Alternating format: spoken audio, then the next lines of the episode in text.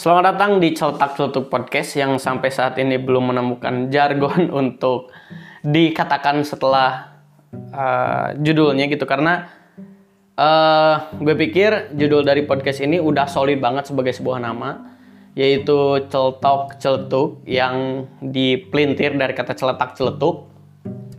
Nah kalau celetak celetuk ini um, artinya tuh uh, ngomong asal gitu kalau di bahasa Sunda. Kalau ya ngomong asal, ngomong ya celtak celtuk lah intinya.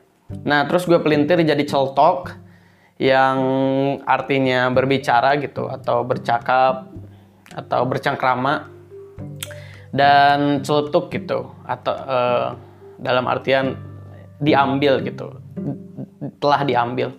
Nah uh, itu ya sebagai sebuah nama celetak celetuk merupakan uh, dua kata solid buat dijadiin brand mark atau ya nama podcast lah. Yang nantinya bakal jadi sesuatu yang menjual menurut gue saat ini. Entah ya entah apa yang akan dijual tapi kayaknya untuk sebuah nama ini udah cukup solid. Nah di episode podcast kali ini gue bakal ngebahas tentang pengalaman gue saat terpilih menjadi ketua angkatan ketika di pesantren juga uh, bagaimana gue menjalaninya terus um, di manakah akhirnya gitu? Uh, jabatan ini akan berakhir di mana? Dan bagaimana proses saat gue menjalaninya? Terus bagaimana awalnya gue terpilih menjadi ketua angkatan. Nah disclaimer uh, sebetulnya episode podcast kali ini nggak bakal didengar oleh banyak orang atau dimengerti karena mungkin hanya akan uh, bermanfaat atau akan didengar oleh mereka yang ingin menjadi ketua angkatan di mana pun tempatnya khususnya di pesantren ketika mereka tapi gak mungkin juga sih masa? Anak kelas 2 SMP tuh gak mungkin dengerin podcast ini gitu kayaknya jauh deh. Apalagi adik kelas juga gitu. Nah mungkin yang paling uh, pasti gitu dari episode podcast ini adalah persembahan untuk diri gue yang udah selama 5 atau 6 tahun menjabat sebagai ketua angkatan di angkatan Virtizium atau angkatan 17 di pesantren gue pada saat itu. Nah, uh, kita bakal mulai dari kenapa gue bisa kepilih menjadi ketua angkatan.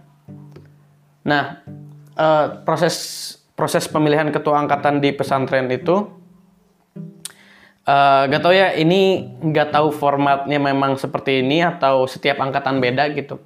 Tapi gue bakal coba ngebahas bagaimana gue terpilih secara rinci, detail, dan sesuai apa yang gue tahu uh, waktu kelas kayaknya kelas kelas 1 deh. Eh kelas 2 deh. Kelas 2 SMP tuh uh, diminta uh, setiap kelas itu memberikan perwakilannya untuk delegasi pencalonan gitu. Jadi kebetulan angkatan gue pada saat itu ada lima kelas. Ada kelas A B C D E. Untuk kelas putra karena dipisah untuk kelas putra itu ada kelas A B dan C dan untuk kelas putri itu ada kelas D dan kelas E.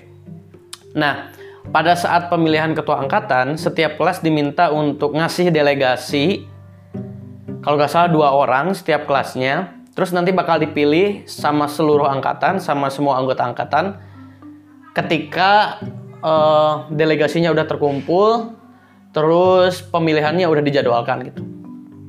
Nah, pada saat pengumpulan delegasi, kebetulan gue pada saat itu kebetulan gue pada saat itu nggak masuk apa istilahnya nominasi gitu untuk atau delegasi untuk menjadi bakal calon ketua angkatan yang diutus oleh kelas karena pada saat itu gue di kelas A dan yang menjadi calon itu si Adi Fadilah, si Koji, lalu si Faiz Faisal tuh yang sekarang di Unpad.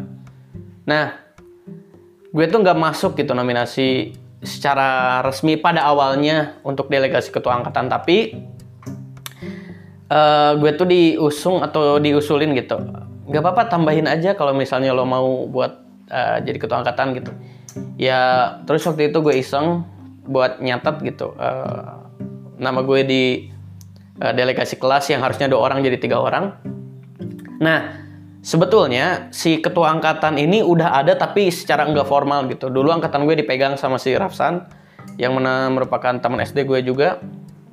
yang ikut di bareng juga di SMP-nya dia udah kepilih secara tidak formal gitu kayak teman-teman udah nunjuk dia sebagai ketua angkatan tapi nggak formal gitu nggak ada pemilihan kayak aklamasi ditunjuk aja dan dianggap sebagai ketua angkatan nah ketika pemilihan eh, dari berbagai macam kelas dikumpulkan di satu ruangan untuk memilih satu ketua angkatan nah uniknya pada saat itu si anggota angkatan ini dari kelas A sampai kelas E itu cowok cewek campur ya hanya di jadi yang yang dipilih oleh semuanya itu hanya untuk ketua dan wakil ketua angkatan dan wakil ketua angkatan dari putra gitu. Nah buat yang dari putri dipilihnya cuma sama putri doang. Nggak tahu kenapa mungkin belum ada istilah uh, woman empowering atau kesetaraan gender ya pada saat itu. Jadi yang diprioritaskan itu um, kandidat dari laki-laki gitu untuk memimpin angkatan dari kelas A sampai kelas E. Sedangkan untuk perempuan mungkin eksklusif untuk kelas D dan kelas E aja gitu. Nah, pada saat pemilihan eh, setelah perhitungan oh ya sebelumnya ada kayak kampanye gitu. Nah, gue inget apa yang gue katakan. Pada saat kampanye itu gue dapat gue dapatkan dari kakak kelas gue pada saat itu yaitu Ahitian. Dia tuh pernah ini sebetulnya bukan kutipan yang dia bikin sendiri ya tapi ngutip dari mana gitu. Uh, akhir-akhir ini gue tahu itu bukan murni perkataan dia tapi kalimatnya gini. Gue sampaikan ketika kampanye um, if you want to walk fast or if you want to walk fast walk alone and if you want to walk long walk together. Nah uh, kalimat itu gue sampaikan di uh, kampanye ketua angkatan karena gue pikir ya masih ya masih bocah sih. Tapi uh, gue pikir bahwa angkatan ini bakal uh, menjadi sesuatu yang besar gitu yang jauh journey-nya jauh perjalanannya dan itu cuma bisa dicapai dicapai dengan kebersamaan gitu. Itu cuma bisa dipakai dengan kompromi agar kita tetap menyatu dan lain-lain. Sedangkan kalau misalnya gue jalan sendiri nih ketika menempuh pendidikan di pesantren itu gue yakin gue bakal jalan cepat tapi gue gak bakal jalan jauh gitu. Jalan jauh ini dalam artian tidak berhenti ketika kita lulus dari pondok ya, kita lulus dari pesantren tapi terus gitu. Sampai ya gak ada batasnya sampai kerja, sampai kuliah, sampai nikah, sampai punya anak si persaudaraannya masih terjalin gitu, masih terja masih terikat dengan erat gitu. Artinya walk long walk together tuh. Nah, dari kampanye itu gue gak tahu reputasi gue ternyata bagus di kalangan teman-teman dan gue terpilih sebagai ketua angkatan karena uh, jumlah votingnya atau jumlah pemilihnya itu paling banyak di antara yang lain. Dan dari sanalah uh, secara formal gue itu terpilih menjadi ketua angkatan. Nah perjalanan itu dimulai dari kelas 2 SMP di mana masih banyak oh, orang-orang yang tidak menerima cara memimpin gue pada saat itu karena terkenal atau terkesan keras sebagai seorang teman gitu. Karena kan tugas gue itu memimpin teman-teman sebaya gitu. Tapi e, cara memimpin gue itu keras. Gue pernah nampar teman gue pernah marah-marahin teman di muka umum teman gue pernah nangis gara-gara gue marahin. Nah cara-cara itu yang menjadikan teman-teman itu takut gitu kepada persona gue sebagai ketua angkatan. Jadi fungsi utamanya untuk mengayomi dan uh, apa ya membersamai teman-teman seangkatan itu nggak tercapai secara sempurna gitu sebagai teman sebagai uh, kawan berbicara ketika SMP. Nah, mungkin nggak cuma itu faktor yang menjadikan teman-teman gue takut. Eh, mungkin bukan cuma faktor dari diri gue pribadi yang keras terhadap mereka secara murni gitu. Jadi gue rasa uh, persona gue waktu SMP itu terinfluence atau terpengaruh dari bagaimana kakak kelas ngetrit gue sebagai ketua angkatan sebagai adik kelas tentunya dan sebagai ketua angkatan bagi teman-teman gue. Yang gue rasakan ketika menjadi ketua angkatan dan sebagai adik kelas pada saat itu gue nggak punya ruang untuk berani menyampaikan pendapat dan uh, melawan gitu ke kakak kelas. Karena pada saat itu habitnya masih senioritas masih tinggi pemukulan masih banyak dan itu menjadi hal yang gue takutkan gitu sebagai seorang adik kelas terhadap kakak kelas. Karena mereka enggak terbiasa dengan uh, penyampaian pendapat perbedaan pendapat ataupun suara dari adik kelas. Itu mereka belum terbiasa dan gue juga gak bisa nyalahin mereka karena itu merupakan imbas atau hasil dari pendidikan mereka ketika masih kecil, ketika masih SMP gitu. Dan kakak kelasnya melakukan hal yang sama terus gitu.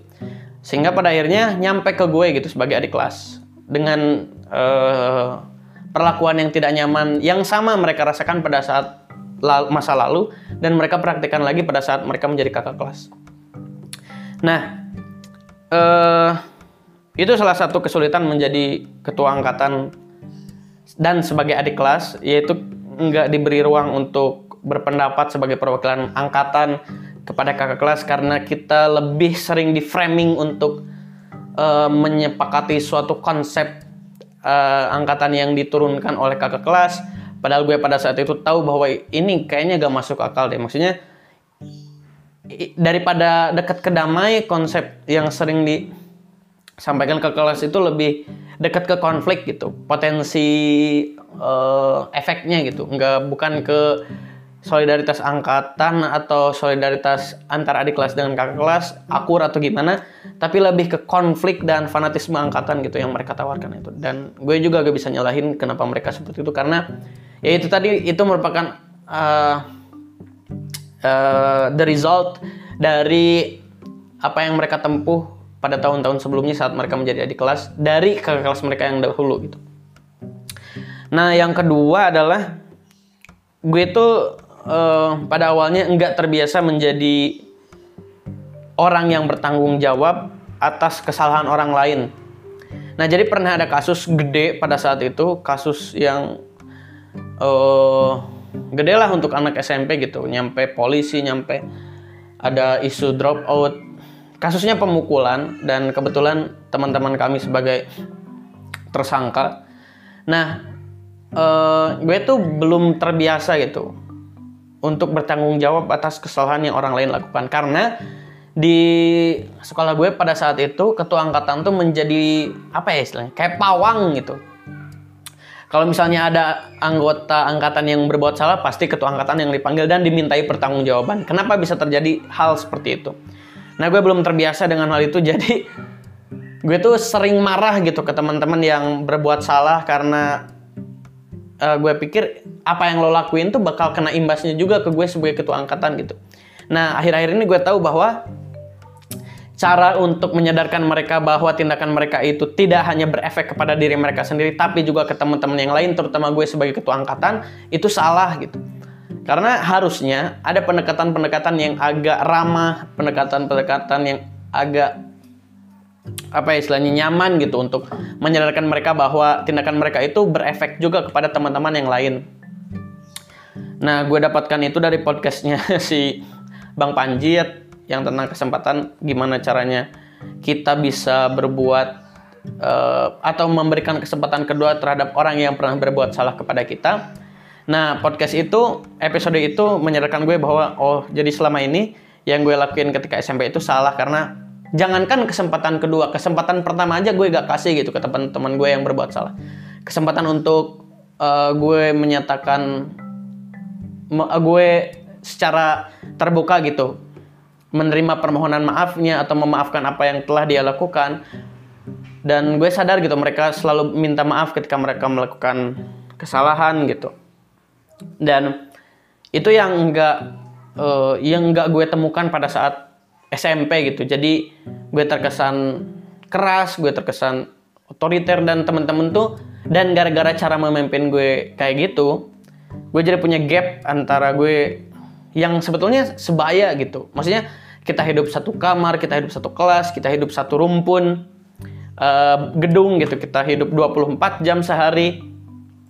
Tapi tetap ada gap tetap ada batas gitu. Karena cara gue memimpin itu tidak disukai oleh kebanyakan uh, teman-teman di angkatan gue. Nah, terus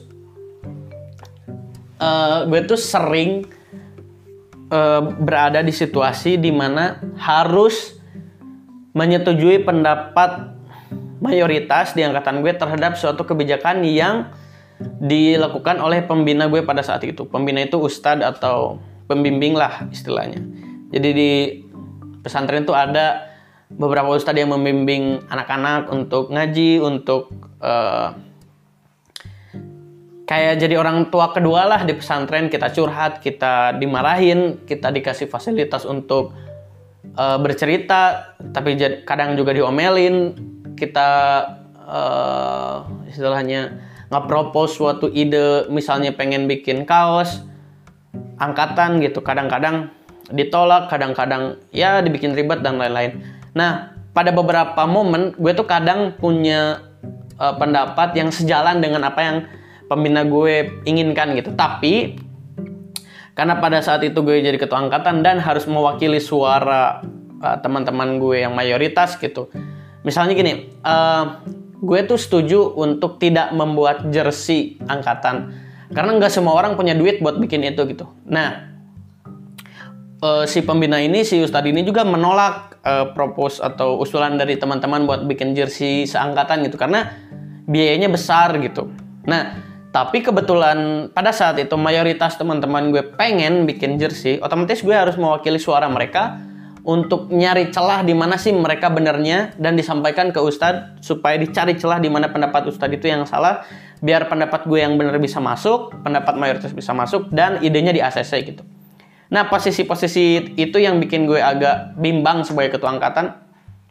Dan sebagai ketua sih pada umumnya, apakah seorang ketua itu harus uh, memiliki intervensi yang kuat terhadap pilihan-pilihan yang dinyatakan oleh para anggotanya atau malah jangan sampai ada sedikit pun intervensi dari ketua tersebut agar pendapatnya murni dari anggota kelompoknya gitu. Nah gue masih bingung ketua yang bagus tuh yang tidak sama sekali memberikan intervensi atau sangat memberikan intervensi terhadap apa yang dipilih oleh anggota-anggotanya.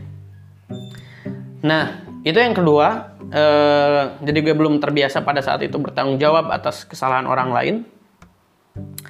Dan selain itu, yang paling eh, bermasalah menurut gue pada saat itu adalah dicemooh atau di apa ya istilahnya ditekan dihimpit oleh teman-teman seangkatan sendiri gitu. Yang mana ada beberapa tokoh atau personalia yang kuat gitu. Pada sebelum sejak sebelum gue menjadi ketua angkatan dia udah punya tempat dia udah punya geng dia udah punya tempat bergaul ya. Maksudnya dia udah punya uh, teman main sendiri dia udah di udah mendominasi angkatan gitu dan pada saat itu gue pernah uh, uh, ini ini lucu sih. Jadi gue tuh pernah uh, ngomong gitu di ketika di forum angkatan kita jangan munafik gitu jadi orang. Kita jangan uh, mengingkari apa yang kita omongan sendiri. Terus pada saat itu gue pernah ngomong kalau ketika waktu sholat semua anggota angkatan atau semua teman-teman harus ke masjid, jangan ada di mana pun gitu. Nah pada saat itu, setelah gue ngomong itu malamnya gue nonton di kelas pakai laptop gitu karena laptop tuh kan dilarang.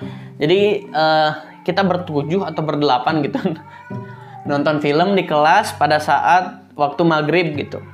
Nah pada saat itu kebetulan ketahuan sama satpam. Jadi ketika kita lagi nonton di kelas terus ada gedor-gedor bin saheta cina buka buka cina nah pas buka pertama tak teman ternyata bawa nasi goreng. Terus kedua ada lagi saheta saheta buka buka cina si pintu dibuka tak teman bawa minum. Nah pas yang ketiga nih saya tak saya sadine kadi ting ting tak apa buka-buka tak ternyata satpam. Satpam masuk lampu dihidupin bus. Ketahuan ketahuan terus digiring tuh delapan orang semua ke pengasuhan. Pengasuhan tuh tempat markasnya ustadz-ustadz lah buat ngehukum para santrinya yang nakal-nakal gitu. Kita bingung nih anjir alasan apa? Masa nonton? Udah mau laptop gak boleh. Terus kita bolos waktu maghrib dan bolosnya di kelas. Terus ngumpet. Ah pokoknya bermasalah deh. Nah pada saat itu si Rapsan ikutnya di kasus itu dan dia juga nonton. Dia di di di dribble kepalanya beberapa kali karena dia botak. Dan uh, alasan kami ketika ditanya kenapa ada di kelas adalah makan nasi goreng. Karena pada saat itu satpam nggak ngelihat laptop karena ketika satpam masuk laptop langsung dimasukin ke kolong meja karena laptopnya kecil notebook lah. Terus kita ngomong ngapain di kelas nah kita jawabnya makan nasi goreng terus ada satu orang yang dipercaya jujur tapi ikut juga di sana namanya Haris Sugi dia tuh orangnya jujur dan dipercaya sama Ustadz, tapi kebetulan dia juga ikut nonton pada saat itu. Jadi yang ditanyai terkait validasi data atau validasi fakta dari teman-teman yang nyatain bahwa kita makan nasi goreng di kelas, itu dia gitu. Bener Hari Sugi, kalian makan nasi goreng di kelas? Bener Tad? Nah, kenapa dia bisa ikut kompromi? Karena yang bawa nasi goreng si Hari Sugi sendiri. Jadi ketika dia ditanya, bener ya kamu makan nasi goreng di kelas? Iya Tad, saya makan nasi goreng. dia kan orangnya susah bohong ya. Tapi kebetulan pada saat itu dia benar-benar bawa nasi goreng ke kelas. Coba uh, antar saya ke sana pengen lihat di mana makan nasi gorengnya, bungkusnya di mana. Nah kebetulan karena dia emang makan nasi goreng, dia jadi gak takut gitu. Iya tad, ayo Chen. Terus dilihat ke kelas dan ternyata ada bungkus nasi goreng bener karena nggak diberesin kan. Sianya diberesin pun diliatin gitu di tong sampahnya bahwa dia bekas makan nasi goreng. Apakah dipegang dulu masih hangat gak tau pokoknya ada bukti bahwa dia telah makan nasi goreng pada saat itu. Dan itu alasan kami ketika ditanya ngapain di kelas maghrib nggak ke masjid? Kita jawabnya nasi goreng. Kenapa gak di kamar karena takut diminta sama teman-teman yang lain. Nah beres lah di sana. Nah itu salah satunya dan ketika terjadi hal seperti itu teman-teman gue yang punya dominasi di angkatan tuh mulai natap sinis gitu ke gue sebagai ketua angkatan terpilih pada saat itu.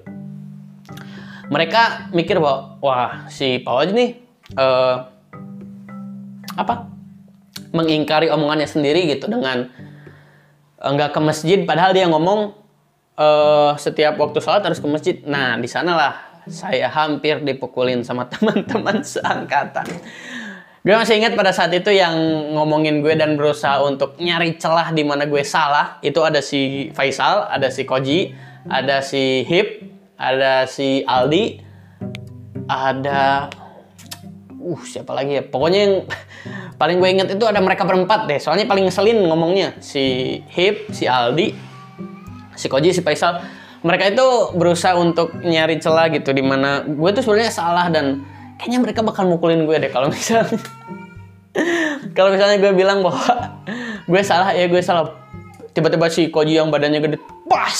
Terus kena uh, muka gitu si Faisal terus das! Mukul. Wah pokoknya kebayang deh kalau misalnya pada saat itu gue gue ngaku bahwa gue salah gitu. Tapi karena di sana saya pandai bersilat lidah gue ngomong bahwa gue tuh lagi ngetes kesadaran teman-teman apakah mereka peduli sama yang gue omongin. Nah, alasannya gitu. Jadi, gue kan pernah ngomong kalau misalnya waktunya sholat terus ke masjid, tapi nah alasannya kenapa gue ada di sana, gue ngomong gini, gue tuh pengen ngetes teman-teman yang lain, apakah dia taat sama apa yang gue omongin? Ternyata enggak. Nah, alasan klasik. uh, merasa menguji orang lain padahal ya salah-salah juga ikut nonton. Tapi pada saat itu gue lolos, gue berhasil dimaafkan gitu oleh teman-teman dan tidak dipukuli karena pada saat itu lagi marak pemukulan terhadap teman sendiri diinisiasi diinisiasi oleh Yodi Jauhari. Nah, gak apa-apa disebutin karena yang denger podcast ini juga gak bakal banyak. Dan selanjutnya setelah dicemooh sama adik kelas adalah selalu dimintai tolong oleh adik kelas. Jadi gini, karena pada saat gue SMP dulu itu ini gue ngejabat ketua angkatan tuh SMP SMA ya tapi yang paling berat gue rasakan itu ketika menjadi ketua angkatan saat SMP gitu karena teman-temannya masih banyak orang-orangnya masih warna-warni gitu masih banyak dan ya masih sulit lah apalagi masih banyak kakak kelasnya gitu nah selain itu ketika gue kelas 3 SMP di mana masa-masa itu adalah masa yang paling tinggi sebagai SMP gitu. Jadi rajanya di SMP. Nah, teman-teman gue sering kali ingin berusaha meniru dan memperagakan bagaimana cara senior mereka memperlakukan mereka lalu mereka memperlakukan adik kelas mereka seperti senior mereka melakukan mereka sebagai adik kelas gitu. Jadi ada masanya teman-teman gue itu merasa jagoan terhadap adik kelas. Nah, karena pada saat itu gue pernah kasus sih sama polisi dan gue tahu itu berat dan pemicunya itu kecil perselisihan antara kakak dan adik kelas. Udah itu doang. Nah, karena gue gak mau itu kejadian lagi, gue ngasih ultimatum ke teman-teman bahwa jangan sampai ada kasus pemukulan, kasus pembulian yang kita lakuin ke adik kelas kita.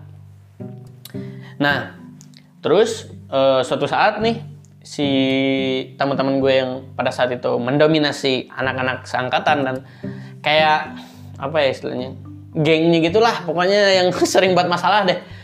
Uh, uh, ngedatengin nih anak-anak kelas 2 marah-marahin gitulah gak jelas nyari-nyari kesalahan terus nge apa ya nyombong-nyombongin angkatannya sendiri terus ngata-ngatain angkatannya ah kalian mah banci kalian mah gak becus bla bla gitulah pokoknya kadik lah nah pada saat itu ada dua orang yang nyamperin gue ketika gue di masjid namanya Adi sama Rizkan uh, dia uh, kayak orang ngelapor ada pencurian gitu. Dia datang uh, kayak yang capek gitu.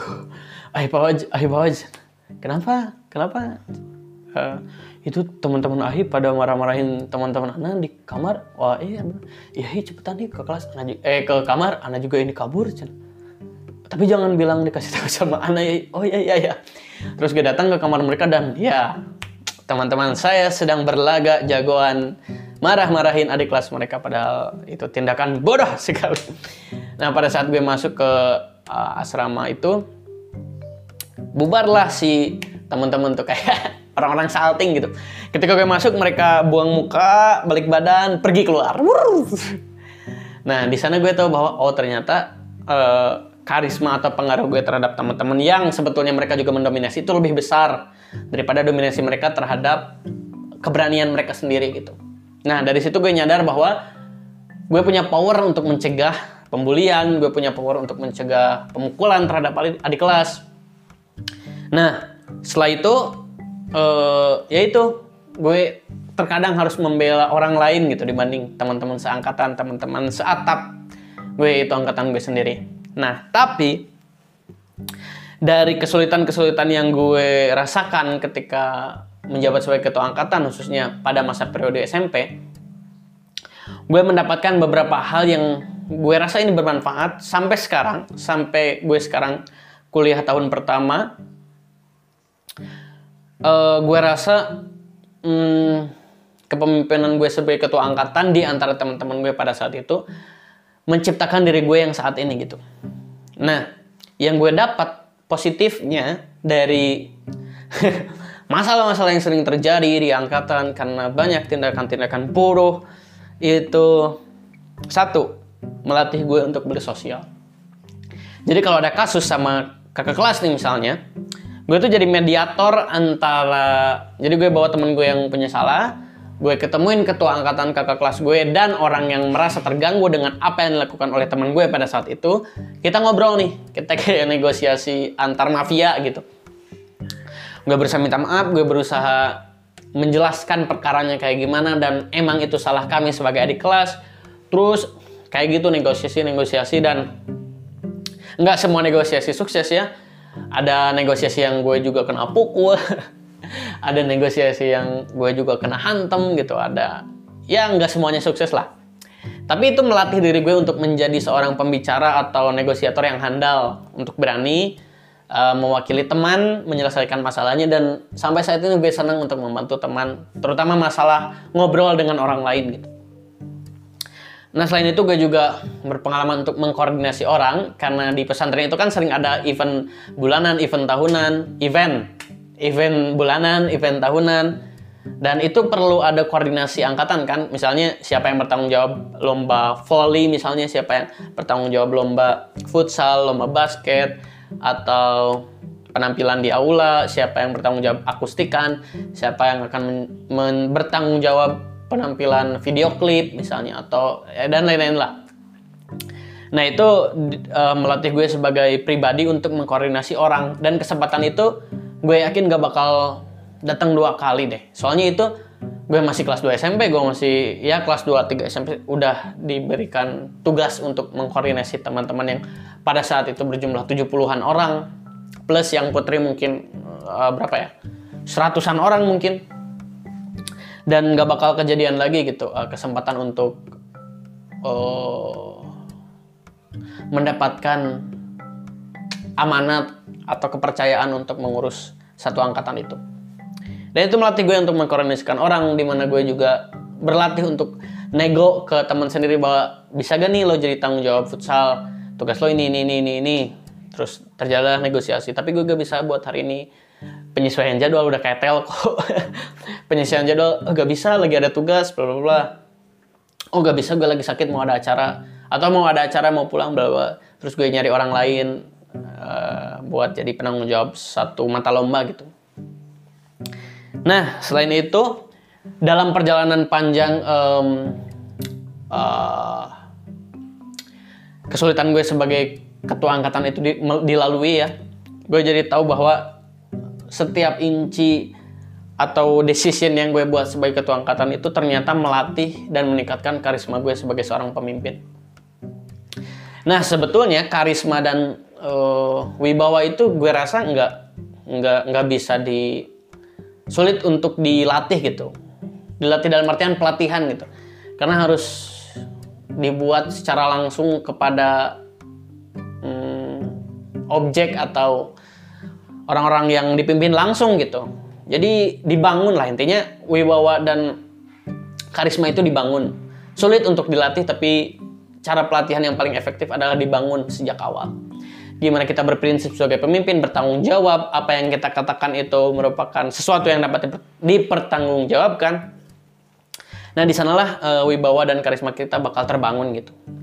Dan gue juga jadi bebas bergerak sebagai ketua angkatan. Gue gak punya circle of friendship, gue gak punya uh, sahabat, gue gak punya uh, teman dekat, gue gak punya ya embel-embel yang menjadikan lo menetap di satu lingkaran pertemanan gitu.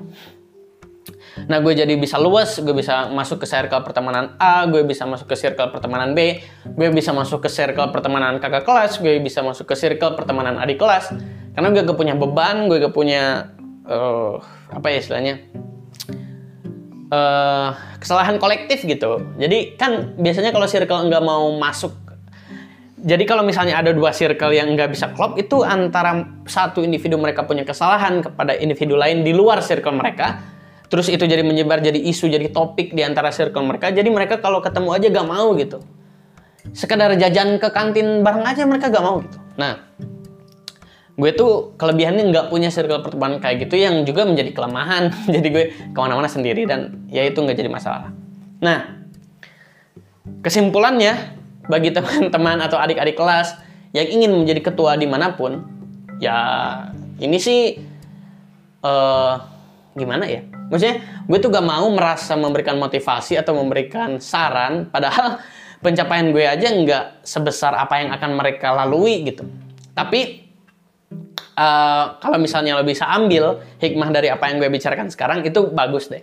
Dan gue nggak ada sedikit pun intensi untuk pamer, intensi untuk merasa diri sebagai motivator, enggak. Gue cuma pengen cerita kepada lo semua biar setidaknya lo punya gambaran, tapi jangan nyampe segala kekurangan yang gue rasakan saat menjadi ketua angkatan menjadi penghambat lo menjadi mencalonkan diri untuk menjadi ketua gitu. Karena kan journey orang beda-beda. Yang bisa lo lakuin ketika mendengar apa yang gue sampaikan sebagai kesulitan gue saat menjadi ketua angkatan adalah lo jadikan ini sebagai bahan pembelajaran dan lo coba menghindari kesalahan ini atau lo mau membedah kesalahan ini supaya yang lo lakuin nggak sama dengan kesalahan yang gue lakuin. Seenggaknya lo melakukan kesalahan yang berbeda. Karena gue pikir perubahan itu dimulai dari hmm, perubahan itu dimulai bukan ke hal-hal yang lebih baik, bukan. Perubahan itu dimulai ketika kita enggak melakukan kesalahan yang sama. Seenggaknya lo melakukan kesalahan yang berbeda dari kesalahan yang tahun lalu, itu udah udah baik lah. Itu itu udah merupakan perubahan yang bagus lah. Gak usah jauh-jauh lo ngejar perubahan menjadi lebih baik, menjadi lebih visioner, beda dan lain-lain. Seenggaknya lo nggak ngelakuin kesalahan yang sama dan lo melakukan kesalahan yang baru. Itu merupakan ciri lo udah berubah. Nah, jadi apa yang gue sampaikan saat ini, coba lo bedah, coba lo ambil hikmahnya, coba lo uh, bongkar gitu, sehingga setidaknya lo melakukan kesalahan baru gitu nggak melakukan kesalahan yang sama-sama yang gue lakuin sebagai ketua angkatan jadi ketua angkatan itu enak enaknya di mana kita jadi tahu dan mudah untuk berkomunikasi dengan orang terutama kita jadi santai dan nggak punya beban untuk menanyakan apa pun kepada teman-teman kita. Dan kita bisa jadi teman untuk semua orang meskipun kita nggak punya sahabat. Itu aja buat episode kali ini. Semoga apa yang gue omongin sekarang itu bisa lo ambil sebagai sebuah hikmah yang akan bermanfaat bagi kehidupan lo nantinya atau setelah ini ketika lo mencalonkan diri sebagai ketua. Dan ya sampai jumpa di episode selanjutnya. Terima kasih